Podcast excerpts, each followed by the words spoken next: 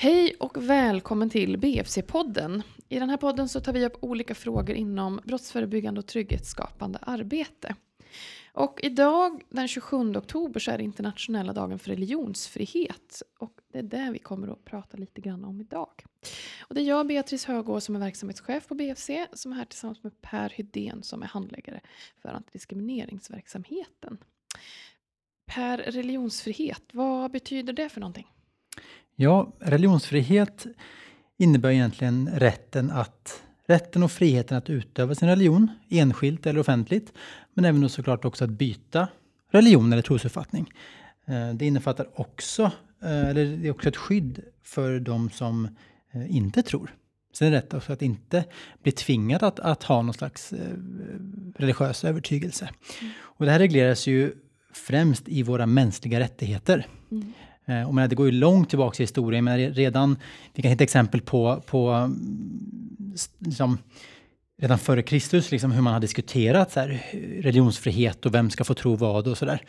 Eh, och det är intressant att vi diskuterar det fortfarande idag, hur vi ska hitta sätt att kunna liksom leva tillsammans. Men det här är en väldigt viktig grundläggande rättighet som, som vi alla har, som också är reglerad i vår svenska grundlag, mm. där vi har rätt till religionsfrihet. Men också eh, så är det specificerat också i vår diskrimineringslag att man inte ska bli negativt behandlad utifrån religion eller annan trosuppfattning. Eh, och även att, att eh, ingen ska behöva utstå eh, hatbrott som har koppling till, till religion. Just det. Och hatbrott är ju alltså om någon, någon begår ett brott mot någon som då, alltså motivet är att det också är religionen som då är föremål för det här brottet. Alltså så, ett, en misshandel eller olaga hot till exempel. Och så är det religion som är bakom där. Så att säga. Precis, Just och då det. blir det en, en straffskärpning. Alltså vi tycker att, mm. att det är värre då när någon mm. har, ett, har ett hatmotiv som grundar sig på mm. religion eller sexuell läggning eller mm. etnisk tillhörighet. Då tycker vi, tycker vi att det är värre, så det blir ett, ett, ett, eh, ett strängare straff mm. helt enkelt. Um, som du nämnde här, alltså just att det är en frihet att ja, få tillhöra vilken religion man vill och man ska också ha en frihet från förtryck och trakasserier på grund av det. Ehm, det finns, alltså det som är uppe som en, en, aktuell diskussion, det finns ju de som tycker att nej men det där med religion är att det är en privatsak och att eh, så att säga, om man då kanske inte är troende, nej, men då, då borde man inte behöva se så mycket av religion. Eh, det finns de som har de uppfattningarna och tycker att nej, men vi är sekul sekulariserade här i Sverige. Eh, så. Eh, så hur mycket får man uttrycka som, som religiös? Mm. En bra fråga tycker jag. Det är en väldigt relevant fråga idag som jag stöter på mycket när jag är ute och utbildar om de här sakerna och pratar om, om diskriminering och religionsfrihet och så. Och vi har en stor frihet till att, att uttrycka vår religion och att även utöva vår religion. Eh, och det är en väldigt viktig rättighet. Jag tror att ibland så, menar, i vårt sekulariserade land, eh, så, så blir det ibland nog en krock. Alltså många tycker nog att det är en privatsak för att för en själv så är det det. Mm. Men så kanske kommer en person som är, har en stark religiös övertygelse och liksom lever ut den, den övertygelsen i sin vardag. Och då kan det ibland bli en krock. Men där får vi inte glömma att det här är en så otrolig viktig rättighet som, som alla ska ha. Och det har ju inte alla runt om i världen heller. Mm. Um, så, så vi har en stor, uh, stor frihet. Och jag kan ta ett exempel där. Något också pratas mycket om det här året, det är ju det här med, med religiös klädsel. Då. Mm. Ska vi kunna få liksom bära vilken klädsel vi vill överallt i samhället? Uh, och där uh, har det kommit två stycken domar på EU-nivå som tar upp det här där det då har handlat om, eh, om eh, att få bära slöja då i vissa företag. Och då har, den här, då har ju man kommit fram till, och domstolen och sagt att det är okej okay för ett företag att kunna till viss del begränsa klädsel. Eh, men då mm, säger domstolen så här att man får ha en så kallad neutral klädpolicy. Och, men då måste det också inkluderas att, att man inte tillåter några typer av, av religiösa, politiska eller filosofiska uttryck. Uh, så att man har en, en neutralitet där. Man kan inte ha, ha ett slöjförbud och säga att, att vi som jobbar här får inte ha slöja. Mm. Det kan man inte ha, det är mm. diskriminering. så. Mm. Men att om exempelvis ett företag i deras uh, kundtjänst, de som möter kunder, eh, eller på något, på något, sätt syns externt, så kan man ändå, så menar domstolen att det kan ha en, en påverkan på företagets image eller så, om man bär då religiösa symboler väldigt tydligt. Men också då, även om man bär politiska eller någon typ av filosofiska uttryck. Mm. Så där eh, ser vi ändå att, att, att det begränsas då mm. hur mycket vi kan mm. eh, här, uttrycka vår religion. Men är, man får inte glömma heller att det är, det är ju bara då för extern personal. Ja, Jag men menar, om du jobbar på ett kontor, då, då Mm. har du rätt att, att bara slöja eller ett kors runt halsen eller vad det nu kan Mm. vara. Mm. Så grunden är som, som du säger, där är en viss begränsning. Men grunden är att det är inga som helst konstigheter. Utan det ska snarare, det ingår i religionsfriheten också att, att visa och ge uttryck för den religionen som man tillhör så att säga. Precis, det är det som är huvudregeln här. Och att Mm. man ska inte diskriminera. Men i Nej. vissa fall så kan det då vara berättigat. Mm. Man har ett berättigat syfte till det. Men huvudregeln är att man ing, ingen ska diskrimineras. Så vi har en, en religionsfrihet. Just det.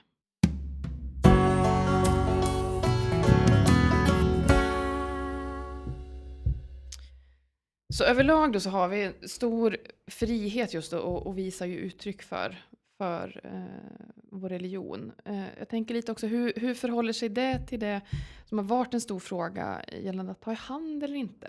Eh, för det har ju varit uppe som en, en väldigt stor debatt egentligen då.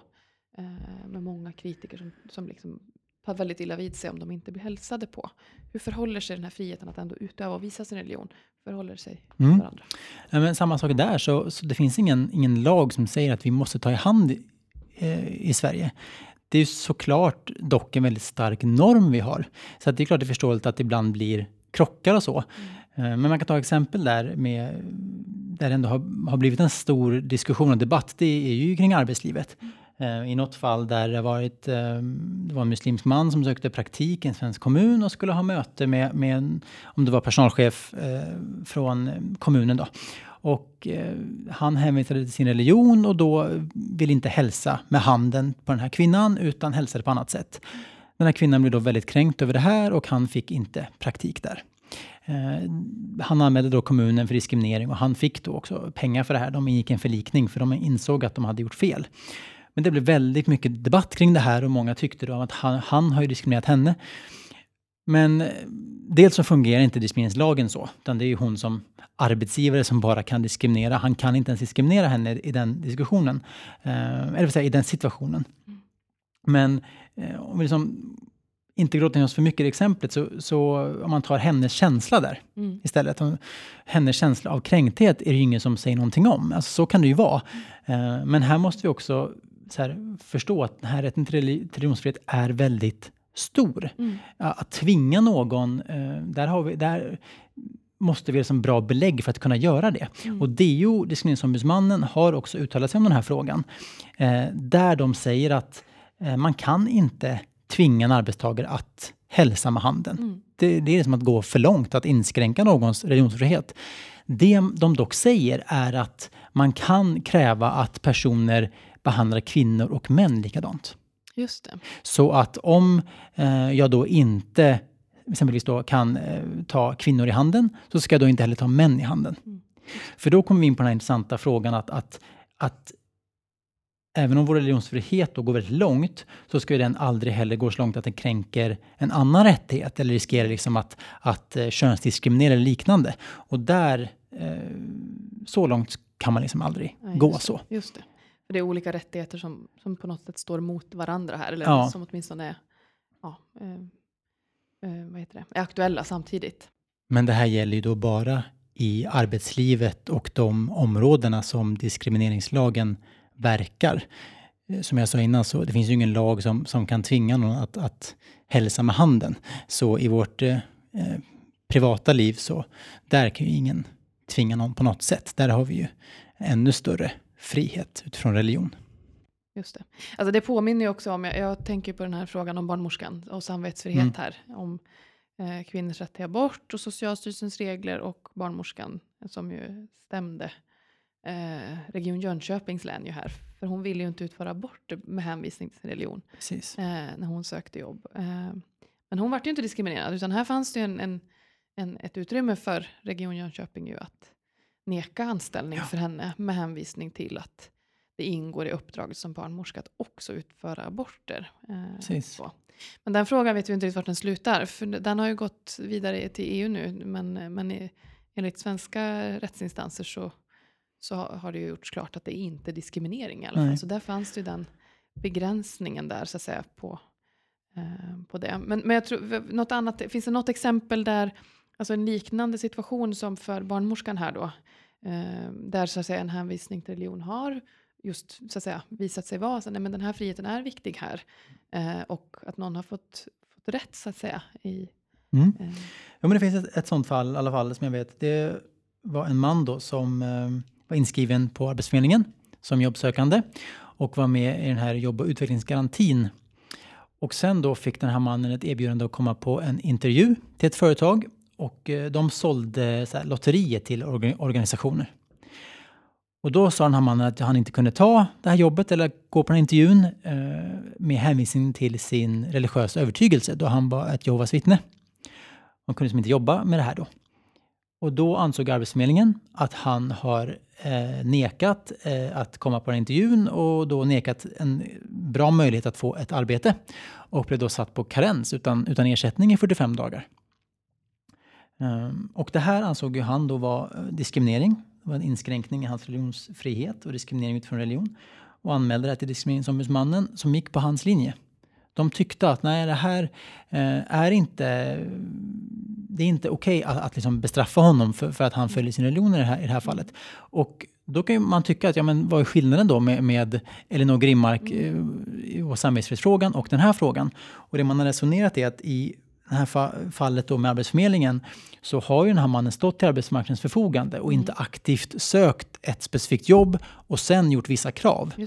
Utan när han liksom har fått en möjlighet har han då sagt nej. Mm. Medan i, eh, i Elinor Grimmarks fall så har hon då sökt ett jobb som barnmorska och sen sagt att jag kräver att inte utföra det här. Mm. Då man då har sagt att ja, men det, enligt Socialstyrelsen så, så ingår det i jobbet som barnmorska. Då är det berättigat att, att kräva det, även om det då eh, diskriminerar det fallet. Men. Mm.